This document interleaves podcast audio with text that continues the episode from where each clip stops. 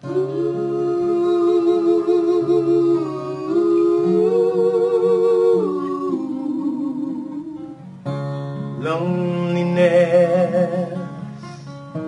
that's the coat you wear. A deep shade of blue is always there. The sun ain't gonna shine anymore. Ek gesels met Steve Ford, die dirigent van Bye Bye Baby, en hy vertel waaroor die storie van Frankie Valli and the Four Seasons gaan. So Frankie Valli and the Four Seasons is, is a rags to riches story. They had many different members of the group which changed dramatically. They started singing backing vocals for Bob Crewe and then they went further to become solo artists when a member of the band called Bob Gaudio joined who then wrote some fantastic songs which you will hear in our show. Um, with regards to the journey of our show, Bye Bye Baby, we have started doing theatres in January 2015 and it's been a very interesting journey. If you'd have told me last year that we'd have been in South Africa doing 16 shows in Johannesburg, I would have bitten the hand off. So we're very privileged to be here and the journey has been very quick and we're, we're very happy to be part of it over here. Hoe meer egge produksie is, hoe meer herinneringe dit terugbring. Steve praat toe oor die dele van die produksie wat 'n gevoel van nostalgie gee. What we've tried to do with the show is we quite like our singers to sing in their own voices. We're very lucky that Jamie's voice, uh, who plays Frankie Valli, is, is quite similar to Frankie's voice anyway. But the way that I like to describe the show is that we're a tribute to Frankie Valli and the Four Seasons, not a Frankie Valli and the Four Seasons tribute, which means that we're telling the entire story of the show in our own way and we're singing in our own voices. And I think the songs speak for themselves. We don't really try to impersonate too much because that will take the integrity of our show away. But also, because the songs are so iconic, the audience will be able to relate to those songs in their own way. Die produksie was benader op 'n nuwe en vars manier. Steve brei toe verder uit daaroor. With regards to the choreography, that's new. That was choreographed for us. The harmonies that we've written, we wrote ourselves. So they're slightly different to the Four Seasons harmonies. The band arrangements are different. Some songs we do faster, some we do slower, depending on the choreography to help the singers. So I think that's, that's where we stand out.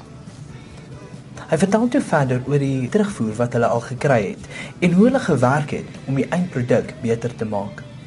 So in production, when we were making the show ready for the theatres, we probably were rehearsing for about six weeks.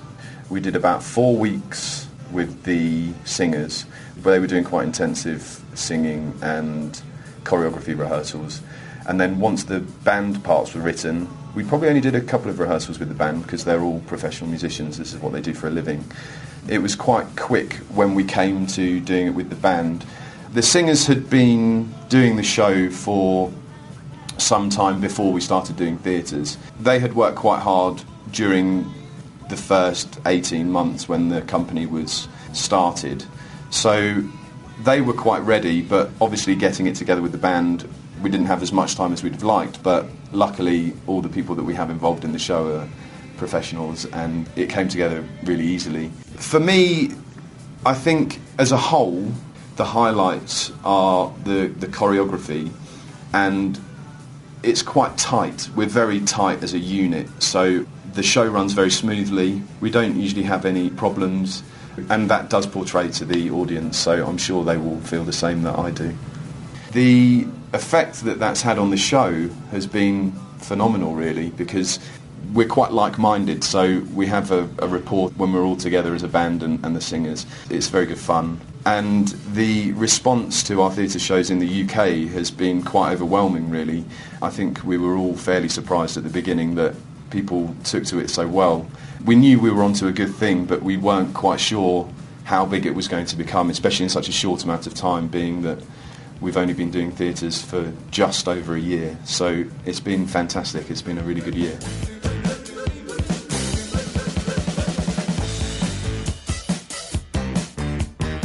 Jamie Ledwith is die hoofsanger en in die role van Frankie Valli.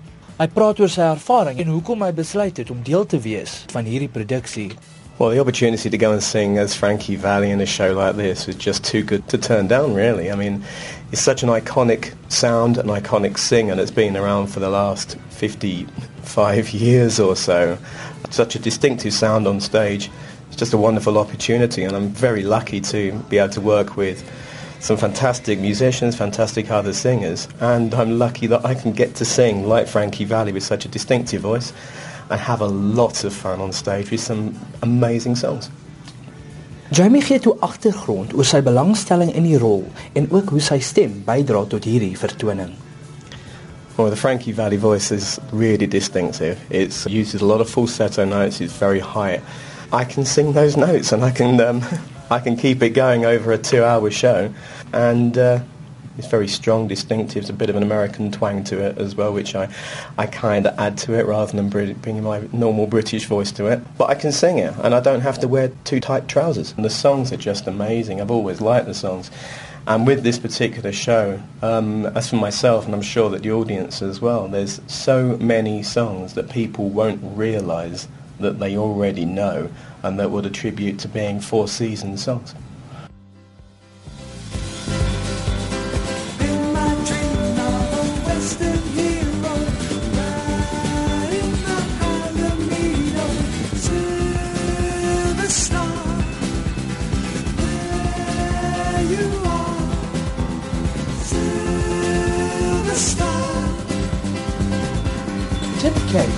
Van Tommy DeVito vertolk, praat oor sy belangstelling in hierdie produksie. Well, I was approached by our manager, Mark Reiser. I'd worked with him before, and um, I sort of put trust in him that he, he was putting this putting this show together, and he asked if I'd like to come and audition. Um, so I, I, I knew of Frankie Valli. I knew of quite a lot of the songs, but I didn't realise quite how many. So once I'd sort of looked at the back catalogue, I was just like, yeah, that, that really does sound and look like great fun. I knew the Jersey Boys as well, which, you know, is obviously another tribute. So that was it, really. I was pretty hooked from the beginning, um, and Mark sat us down in his kitchen, um, you know, auditioned us, and then, then, you know, the four that he took, he just sort of taught us the opening end of one of the tunes, and four-part harmony from there was just too good to miss, really. Hy praat toe meer oor wat sy gunsteling deel van die produksie eintlik is. I think my favourite part, which is a bit surprising because the hardest thing for me to do was get the dancing down. I mean, my sister's a ballet teacher and I'm an ex-rugby player. Movement was never really my thing, but when the choreography snaps, when it's really sharp, because the, the movements are quite simple, but when you've got four guys really sort of nailing the moves together, there's a, there's a feeling there. I mean, singing in harmony as well. But it's, it's really those two things. But I think the dancing probably, probably gives me the biggest buzz. Die produksie is baie bekend en is een wat die wêreld sal sien. Tim vertel oor waar hulle was en wat nog voorlê vir hierdie vier. As a band, we're quite young still. I mean, we're only 2 years old.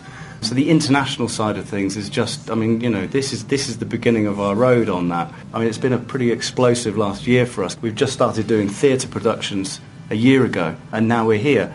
As far as what the future holds, I mean, we will travel anywhere. Certainly plan to. I mean, the coming year is is busy to say the least. We've got 35 theatre dates to get through when we get home, all over the UK, from Scotland to the southern tip. So yeah, it's it's going to be fairly busy.